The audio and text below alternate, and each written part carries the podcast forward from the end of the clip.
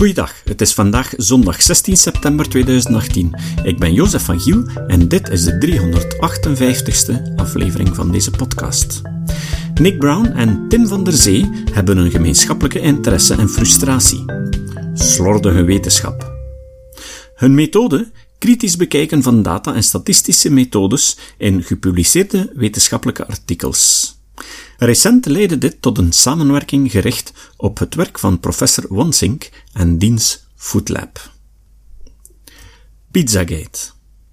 In de vorige aflevering hoorden jullie wat er allemaal mis kan lopen in onderzoek. Vandaag horen jullie hoe hun onderzoek is ontstaan. Ik wil ook nog een beetje een overzicht geven van um, hoe, dit, hoe dit eigenlijk is ontstaan. Dit hele kritische onderzoek naar zijn werk. Um, want dit soort onderzoek doen is niet waarvoor wij betaald worden. Is niet wat verwacht wordt van ons. Um, ik heb hiernaast gewoon mijn eigen uh, promotieonderzoek wat ik doe op een totaal ander onderwerp. Dus ik wil een beetje een beeld geven van hoe, dit, uh, hoe we in deze sceptische hoek zijn beland. Um, eigenlijk hebben we hier Wensink zelf aan te danken. Op 21 november, als ik goed zeg, 2016 heeft hij een blogpost geschreven. Hij heeft een blog. En daarin beschreef hij hoe hij onderzoek doet. En de manier hoe hij dat deed. Hij vertelde dat dan deed hij een studie en de, de hypothese die hij van tevoren had, die kwam er niet uit. Um, dus dan ging hij op honderden andere manieren, ging hij alsnog weer de data door, kijken of hij er iets anders kon vinden, of nog iets anders, of nog iets anders. Dit werkte ook niet. Maar als je alleen maar naar die deelnemers kijkt, of alleen maar naar die deelnemers, alleen de vrouwen of alleen de mannen, hij ging zo eindeloos maar door, totdat hij eindelijk een verband vond en dat publiceerde hij dan. Hij beschreef het als van, nou, dit is gewoon een prima, normaal geaccepteerde manier te doen. We weten ondertussen dat het dat absoluut niet is. Um, dus hij beschreef het heel eerlijk, eigenlijk, zijn onderzoek, waar bij ons een lampje ging branden van, ja, als hij dat doet, wat vinden wij daarvan dan terug als wij zijn artikelen gaan bekijken? Um, want normaal dan lezen we een artikel en dan denken we van, hey, dit, dit, dit is nou ja, ik ben hier sceptisch over. Nu is het eigenlijk andersom. We kennen de artikelen niet, maar we weten van tevoren al dat we er sceptisch over moeten zijn. Dus het gaf een soort van unieke casus. Van we weten al dat we sceptisch over moeten zijn. Wat gebeurt er als we de artikelen gaan lezen? Nou ja, dan vind je dus al deze fouten. Maar daar hebben we eigenlijk hem aan te danken, omdat hij dat heel eerlijk heeft beschreven. Nou heel veel mensen dachten inderdaad dat het heel uh, questionable was. Er waren mensen op Twitter, voordat dit gebeurde, kende ik Nick volgens mij helemaal niet. Of misschien vaag. Op Twitter hadden we wel eens contact gehad, uh, maar niet heel direct. Uh, maar omdat dit op Twitter werd gedeeld um, en heel veel mensen op Twitter kritiek hadden op die blogpost. Um, en op Twitter kwamen we erachter dat Nick was die artikel aan het lezen en op zoek naar fouten. Jordan, een andere medewerker, iemand waarmee we hebben samengewerkt, die was hetzelfde aan het doen. Dus eigenlijk door middel van Twitter, van social media, hebben we ons georganiseerd. Zijn we samen gaan werken. Onze bevindingen bij elkaar gebracht. En toen we eenmaal al die fouten hadden gevonden, dachten van, nou ja, wat, wat moeten we hiermee? We hebben fouten gevonden in de wetenschappelijke literatuur, dit moet niet. Wat nu? We hebben contact opgezocht met Brian Wensing zelf. Um, in eerste instantie reageerde hij nog wel. Uiteindelijk stopte hij met reageren. Hij wilde ons niet de data geven. Uh, hij kon dus geen goede verklaringen geven. We hebben contact opgenomen met de universiteit, Cornell. Die reageerde, maar die zei van ja, dus ons pak je aan niet. Moet je bij de auteur zijn. Contact opgenomen met de wetenschappelijke tijdschriften. En die reageerden niet, of die zeiden over, nou ja, we kijken wel, nou, we weten eigenlijk niet zo goed. Um, die reageerden in eerste instantie eigenlijk ook helemaal niet proactief op.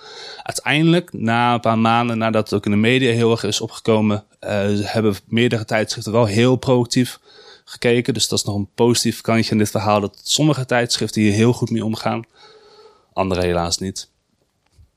En vervolgens de laatste stap is, omdat we alle andere opties hadden gedaan, met iedereen contact geprobeerd uh, te maken. Toen hebben we ons rapport uh, online gezet, uh, publiek gemaakt en toen nou, is de media erbij gekomen.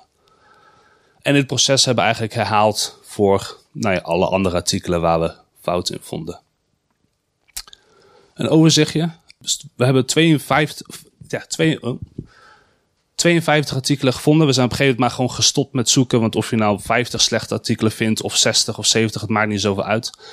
Um, dus bij 50, we zijn op een gegeven moment maar gestopt.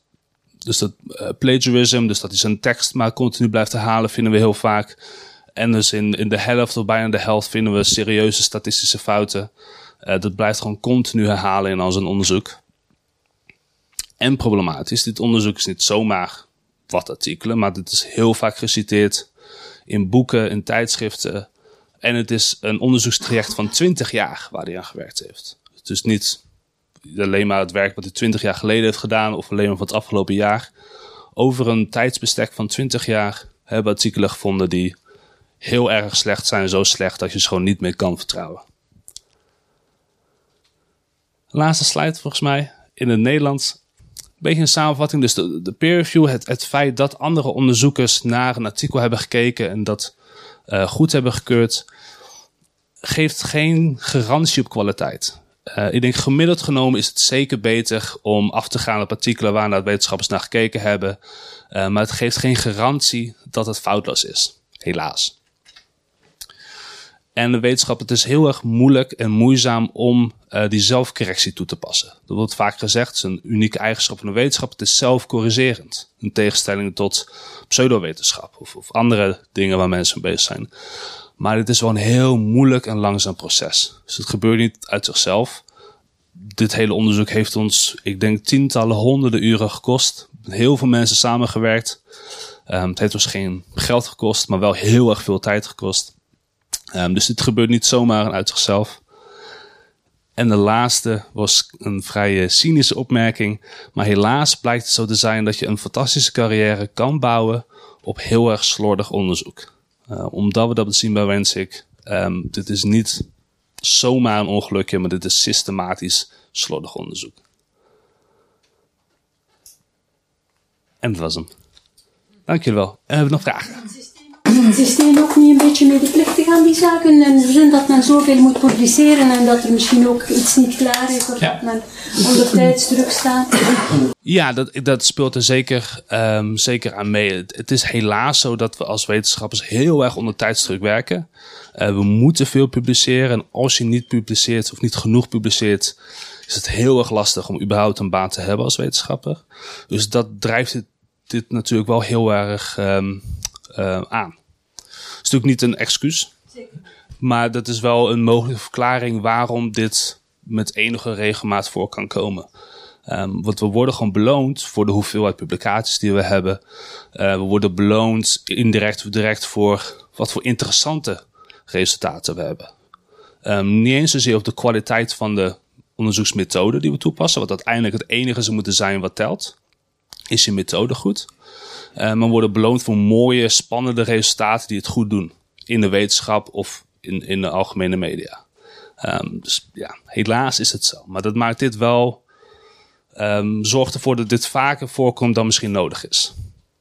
Is die nog in functie? Hij is nog steeds in functie, ja. Verbazendwekkend genoeg wel. Um, hij publiceert nog Hij publiceert niet meer.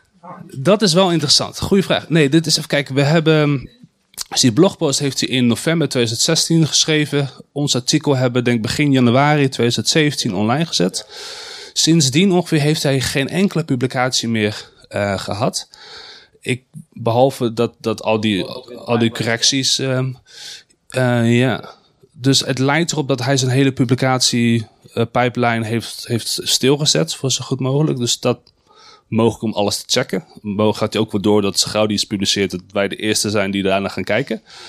Um, dus nou in die zin werkt het. Maar hij werkt nog steeds aan, aan, aan de Universiteit van Cornell. Dat, ja, dat lijkt het. Ze hebben in eerste instantie een onderzoek gedaan. Bij de eerste vier, de pizza-artikelen, omdat ze allemaal over pizza gingen. Toen hebben ze geconcludeerd van ja, er zijn fouten, maar er is geen sprake van scientific misconduct een specifieke term. Ik kan dat lastig vertalen. Uh, maar niet genoeg reden in elk geval om hem nou, te ontslaan bijvoorbeeld. De universiteit is die al gezakt in de ranking? het is niet de eerste keer dat ze een, een wetenschapper hebben die heel in de controversie staat. Maar uh, het lijkt erop mogelijk dat ze nu een tweede onderzoek zijn gaan doen. We weten het niet, want ze zeggen daar niks over. Dus misschien zijn ze bezig we weten niet zo goed. Dat is het. En is dat een uniek geval of is dat binnen het veld van in dit geval de psychologie wereldwijd een normale gang van zaken dat men dergelijke kwaliteit levert? Of is zij echt een uitzondering tussen al die goede? Ik denk dat hij een uitzondering is in hoe incompetent hij is. En het klinkt misschien heel gemeen, maar met name ook dat hij niet doorhad mogelijk hoe erg fout het is. En dat hij ook gewoon zomaar beschreef. Dat hij zo'n soort uh, discutabele methodes gebruikt. Andere mensen die beter doorhebben wat ze doen, gaan het niet zeggen. Die maken niet van die fouten die heel erg zichtbaar zijn. Die maken misschien ook fouten, bewust of onbewust. Uh, die verzinnen misschien hun data. Maar die zijn slim genoeg om ervoor te zorgen dat het niet zichtbaar is. En dit is uniek. Het zal niet uniek zijn, maar um, het is heel erg zichtbaar de fouten. Ze zijn heel makkelijk te zien. En meestal is dat niet zo. Worden wel fouten gemaakt, maar kan je dit niet zo makkelijk gewoon met een rekenmachientje narekenen. Nee, omdat je ook verwees dus naar die studie van in de jaren 50 Ja. eh, van uh. Dus het Het, het, het gebeurt zeker vaker. Ik denk niet op hele grote schaal dat echt forse percentages uh, zijn wel veel vaker dan zou moeten. Uh, maar het is lastig om het in te schatten. En het zal per vakgebied uh, ook wisselen. Ik heb aan een paar collega's gevraagd in psychologie. Wat voor percentage, wat voor percentage artikelen denk je, denk je dat het gewoon ja, nep is? Nep. En uh, ik kreeg schattingen van tussen de 2 en de 40 procent. Nou, 2 is al niet homeopathisch genoeg. Maar er, er wordt heel veel gesjoemeld met gegevens in de psychologie. Gelukkig ben ik mijn pensioen, maar dit is mijn hobby. Uh, ik hoef geen carrière te maken. Dus kon ik mij veroorloven een, een beetje harder te roepen. Maar goed, daar tegenover stand, ik ben, ik, ik, ik, ik ben een beetje verlegen wat, uh, wat kritiek betreft. Zelf. Dus ik, ik ga niet te hard roepen, maar de, de, de psychologie, in de psychologie kun je, kan, je kunt bijna alles beweren en er komt, komt nooit definitieve tegenbewijs. En uh, onder psychologen zijn er heel veel theorieën in omloop. En veel van die theorieën zijn in, in, in, uh, in, in, in mutual, zijn in strijd met elkaar. Dat weten wij van de fysiek en van de, van de natuurkunde. In de natuurkunde weten wij dat op, well, goed, op zijn verste gezien de relativiteit en de kwantummechanica niet compatibel zijn. Dat weten ze, maar goed, dat accepteren ze. In, in de, de psychologie zijn er heel veel theorieën die allemaal in strijd met elkaar zijn. Maar er wordt nooit een confrontatie, er komt nooit een deathmatch tussen twee. Wa waarom? Omdat het veld breed en lang genoeg is voor mij om mijn theorie te hebben en jij om jouw theorie te hebben. We kunnen allemaal heel goed ons brood verdienen. We kunnen alle twee ons boeken schrijven voor academici, maar ook voor uh, populaire lezers. Want zo word je meer blij en zo kun je je depressie overkomen. En ik, ik vind jouw theorie niks. Maar ik schrijf toch op de achterkant. Ja, wat een geniaal boek. En andersom. En dan ga je naar de conferentie. En dan hang je aan de bar een beetje rond. En daar hoor je de waarheid. Zo, ja, die sjoemelt met gegevens. En die. Uh, maar uh, het. Het is een menselijk, het is een menselijke uh, activiteit. Wordt door mensen bedreven, dus er zitten allerlei fouten in. En de psychologen zouden dat moeten, moeten weten waarom. Dat is wel een beetje ironisch. Het zou interessant zijn te weten, misschien weten jullie dat, of er megastudies gebeurd zijn over deze thematiek. Of ja. megastudies. Ja, dus, uh, sinds ongeveer uh, 2011. Um, we noemen het uh, meta-science. Dus de onderzoek over een manier van onderzoek doen. Dus ongeveer sinds 2011 is dat heel erg, nou heel erg, is dat flink populair geworden. Omdat we steeds meer doorhebben um, dat het heel, heel, heel hard nodig is. Dus bijvoorbeeld zijn studies gedaan namen ze 100 willekeurige, of, of bijna willekeurige artikelen uit topwetenschappelijke tijdschriften. 100 van die onderzoeken. En die zijn ze opnieuw gaan doen. Want het idee is een wetenschap, als je het opnieuw doet, dat je dan ongeveer hetzelfde moet krijgen. De succesgehalte, ik weet het niet uit, maar. Onder de 40%. Ja, volgens mij was het inderdaad 38 of tegen de 40 procent uh, was inderdaad een succesvolle replicatie, zoals ze dat noemen. Een succesvolle herhaling van wat we eerder vonden. En 60 procent niet. het is een beetje lastig om dat zo zwart-wit te zeggen, want het is nooit van het lukt wel of het lukt niet, maar het, het is meer een spectrum. Maar het geeft wel aan dat um, individuele studies met name, het is lastig om op, een, op, op één studie te vertrouwen. Je moet op een hele reeks van studies kunnen vertrouwen. Maar wat hier weer een voorbeeld van is, dat je soms hele reeksen van onderzoeken hebt die systematisch niet zijn te vertrouwen. Um, dus dat is natuurlijk wel lastig van ja, op hoeveel, waar kunnen we dan wel op vertrouwen? Um, terug op, op, op, jouw vraag van hoe, wat voor percentage of hoeveel van de wetenschap is betrouwbaar. Het wist ook heel erg op wat voor vragen het zijn. Bijvoorbeeld, er is geen twijfel over het idee van we hebben een geheugen. Um, en we hebben persoonlijkheid en dat soort dingen. Dat, dat zijn feiten die wel vaststaan. Is heel veel discussie over hoe het geheugen precies werkt. Um, ik denk dat het geheugen een van de best onderzochte dingen is van de psychologie. En dat, dat is grotendeels heel betrouwbaar onderzoek, wat heel goed te repliceren is. Waarbij je veel grotere percentages uh, succes ziet als je dat haalt. Dat veel meer 80, 90 procent wel succesvol te herhalen is. In meer sociale psychologie, um, omdat het een veel lastiger onderzoeksgebied is, zie je dat het ook veel lastiger is om dat te herhalen. Dus het wisselt heel erg op wat voor vragen je je richt. Um, dus ik moet ook niet het imago geven dat alle psychologie waarloos is. Het is ook niet allemaal waar. Uh, ware ligt echt in het midden. Zou het uh, geen aanbeveling kunnen zijn, zoals John Ioannidis uh, propageert in Stanford, van de zaken, je moet je studie prepubliceren. En je moet je methode, je power, je N, je aantal, je verwachte drop-out enzovoort prepubliceren. Je moet je data anoniem, no problem ook publiceren, zodat dat ze kan gecontroleerd worden. Maar nu zien we studies waar mensen fortuinen uitgeven aan advocatenkosten om de data te maskeren. Ja. Dat is, allee, dat is niet een nee, dat is niet een hoge vrouw, wetenschappelijke vrouw. Je, je zou het idee kunnen krijgen dat het hele veld corrupt is. Hè? Ja, dat, dat, dat I, I couldn't possibly comment. het, het, idee van uh, pre-registratie wordt het uh, genoemd. Um, ik ben er zelf enorm groot voorstander voor. We zijn tussen heel hard aan het werk met een soort van nieuwe vorm van publiceren. Wat totaal niet meer gericht is op van je moet een heel interessant resultaat vinden. Maar het enige wat telt is je, je maakt een plan. Wat wil je onder, gaan onderzoeken en waarom? Dan gaan de andere wetenschappers naar kijken.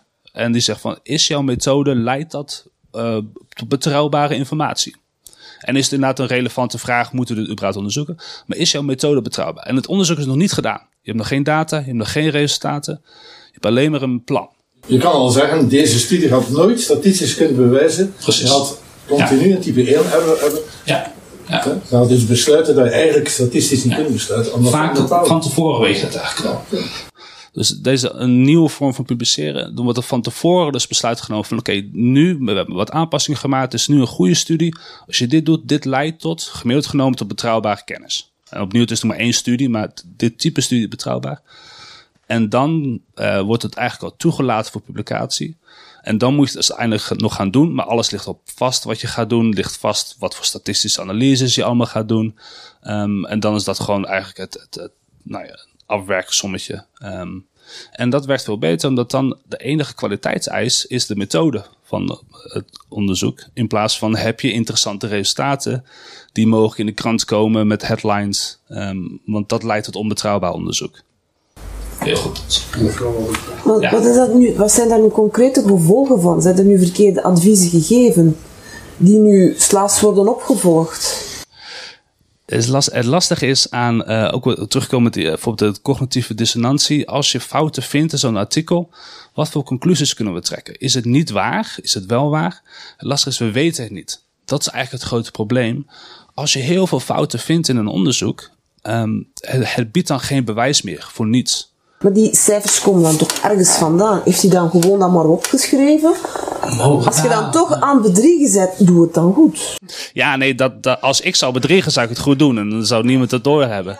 Uh, omdat ik weet hoe, hoe je het kan zien. Waar haalt hij dan die cijfers vandaan? Hij lijkt wel data te verzamelen. Waarschijnlijk is het niet zo dat hij alles maar verzint. Uh, ik heb ook wel mensen gesproken die met hem samen hebben gewerkt, jaren terug. Dus er was altijd, werd er data verzameld, er werden wel echt onderzoek uitgevoerd. Dus het lijkt met name gewoon enorme slordigheid te zijn. Er, wordt wel iets van data verzameld. En op een manier wordt dat wel statistisch onderzocht, maar dat heeft heel weinig relatie met elkaar. En die analyses die worden ook wel soort van opgeschreven, maar ook weer zo slordig dat het ook weer weinig met elkaar in relatie staat. Dus het is met name die incompetentie. En uh, vandaar de titel ook.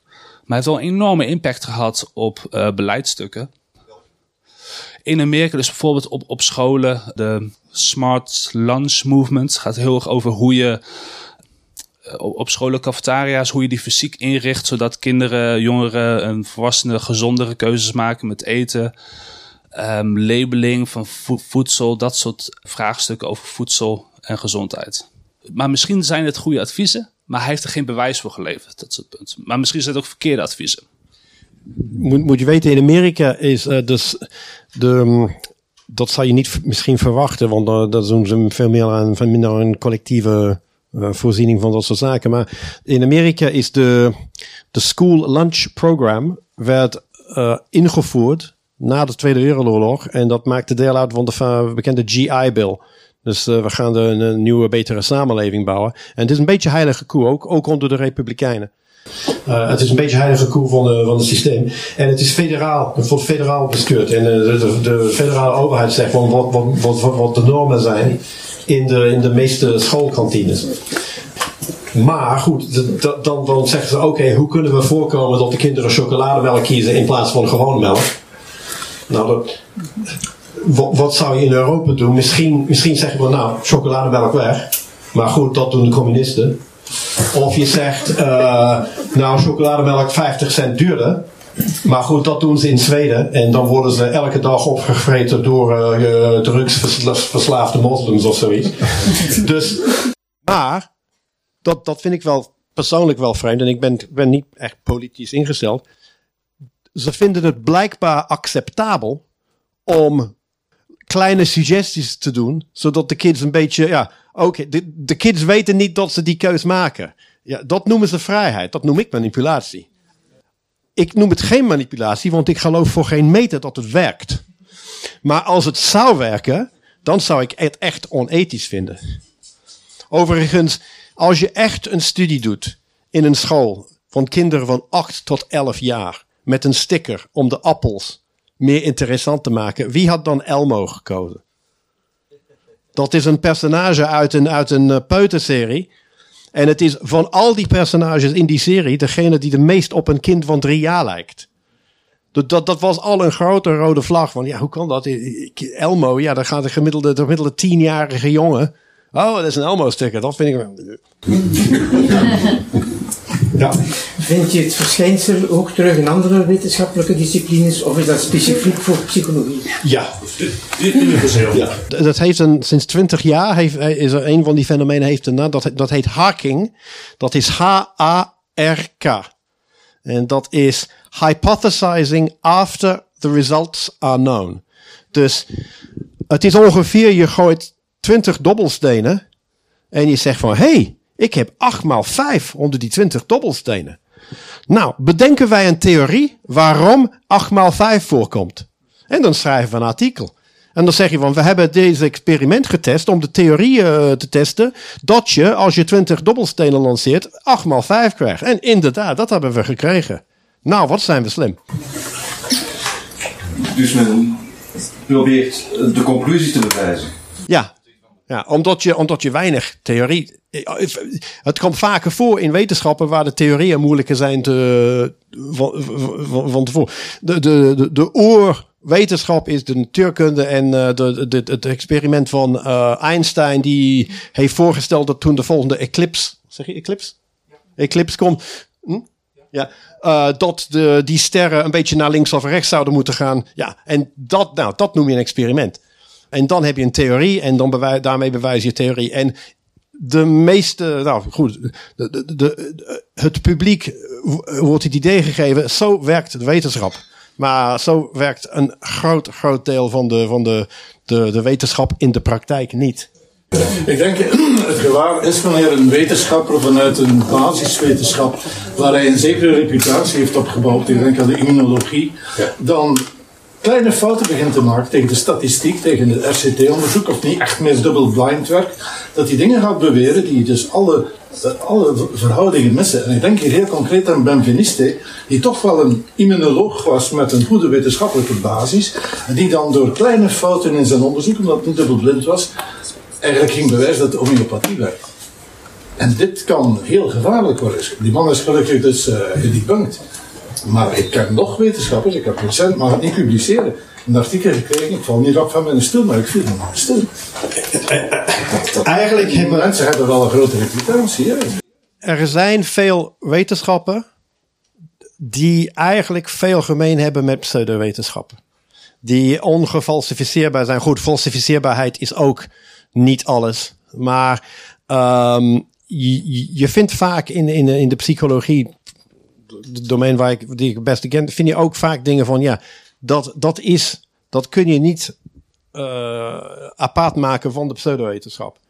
En uh, bovendien, ja, wie gaat in de psychologie werken? Dat, dat trekt niet alleen echt rationele mensen.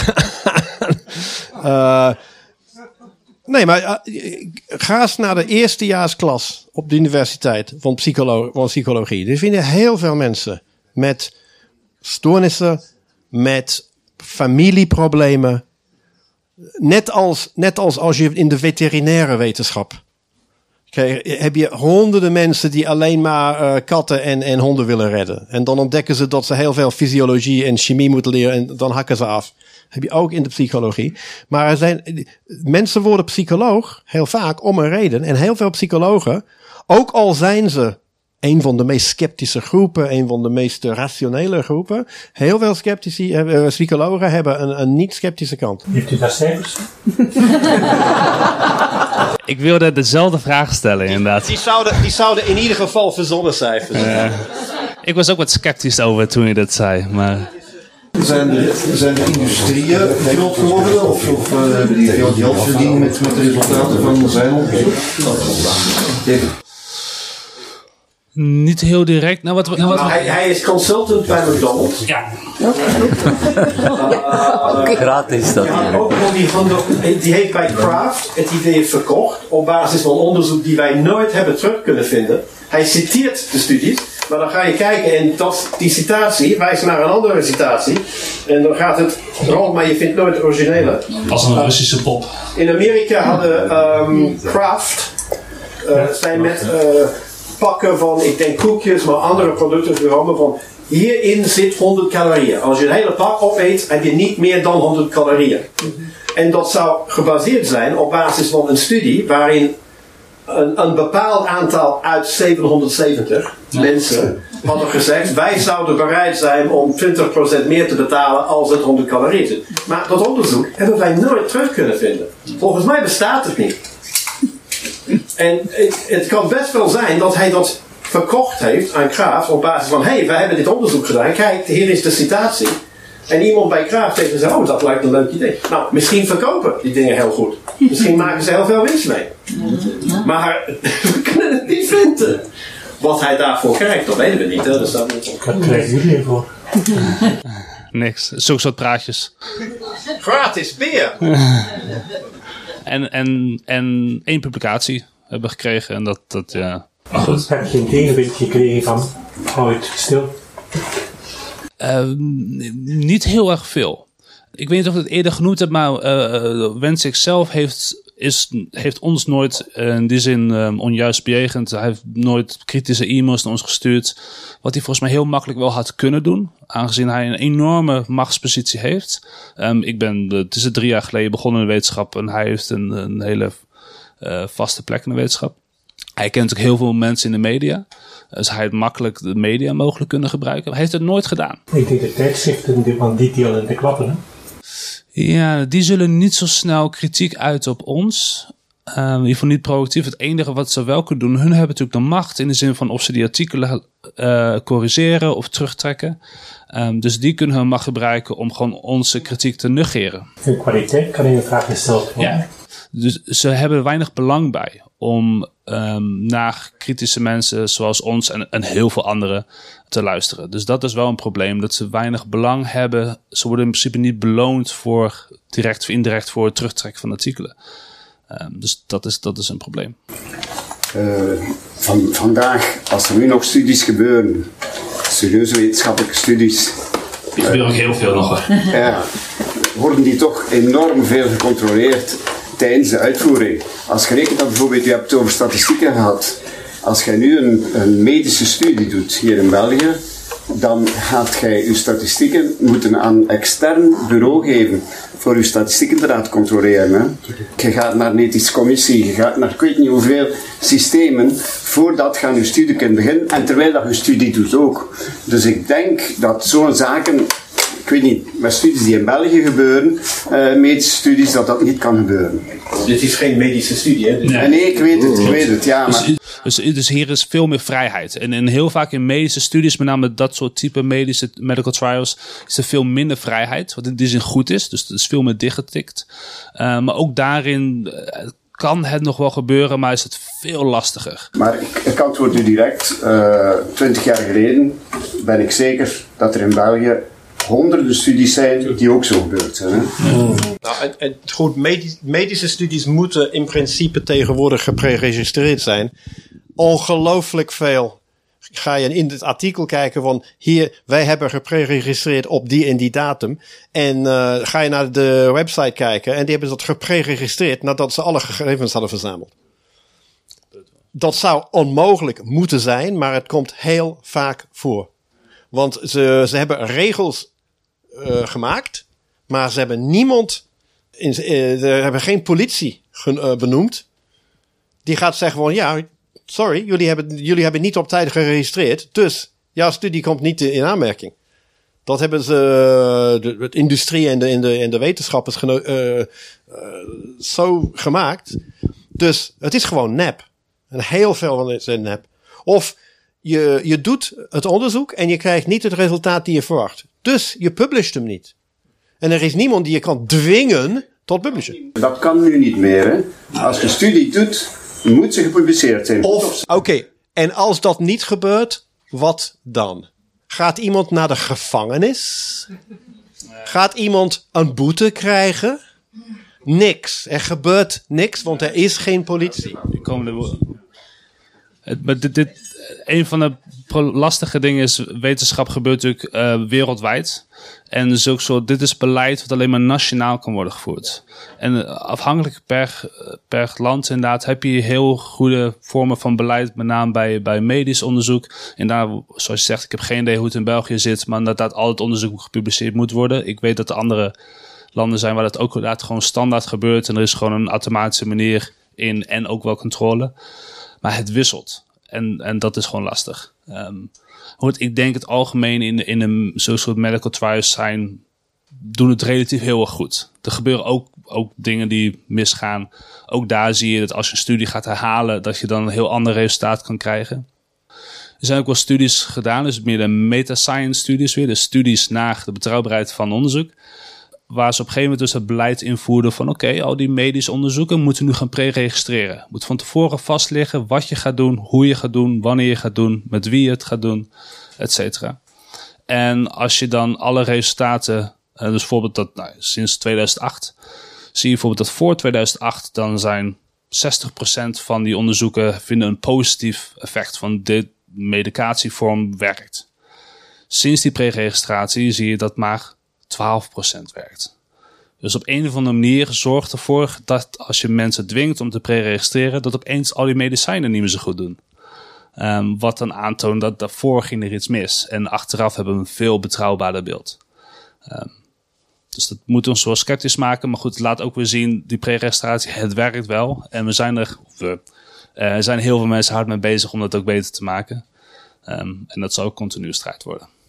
Daar tegenover staat de, de oud-voorzitter van de Franse uh, Nationale Onderzoekscoördinator. Echt, uh, moest aftreden wegens frauderende uh, resultaten in zijn vroege carrière. Die werd, die werd ver, vervolgd en zijn opvolger zal zeer waarschijnlijk de komende twee, drie maanden ook moeten aftreden wegens fraude in zijn vroege carrière. Het is een, er is in, in wetenschap in het algemeen echt een grote crisis van, van foute resultaten. Het doet mij denken aan. Kijk eens naar de, de in de, in de atletisme noem je dat, de track and field.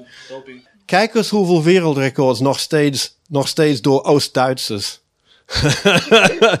dus je, je voert de nieuwe dingen en dan zie je wat er gebeurt. En uh, er is ongelooflijk veel fraude geweest en dan ontdekken we het nog steeds.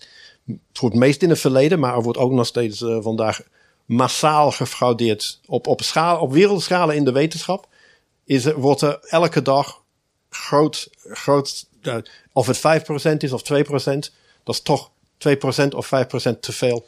Wordt er niet alleen slecht gedaan, maar echt gefraudeerd. Dus pas op, er is niks, er is niks beters dan de wetenschap, wetenschap om aan menselijke kennis te komen, maar het is lang niet perfect. Dat was volgens mij wel een mooie eindboodschap, toch? Oh, nog één laatste vraag. Ah. Aan, aan de bar. Alle overige vragen aan de bar. Ja.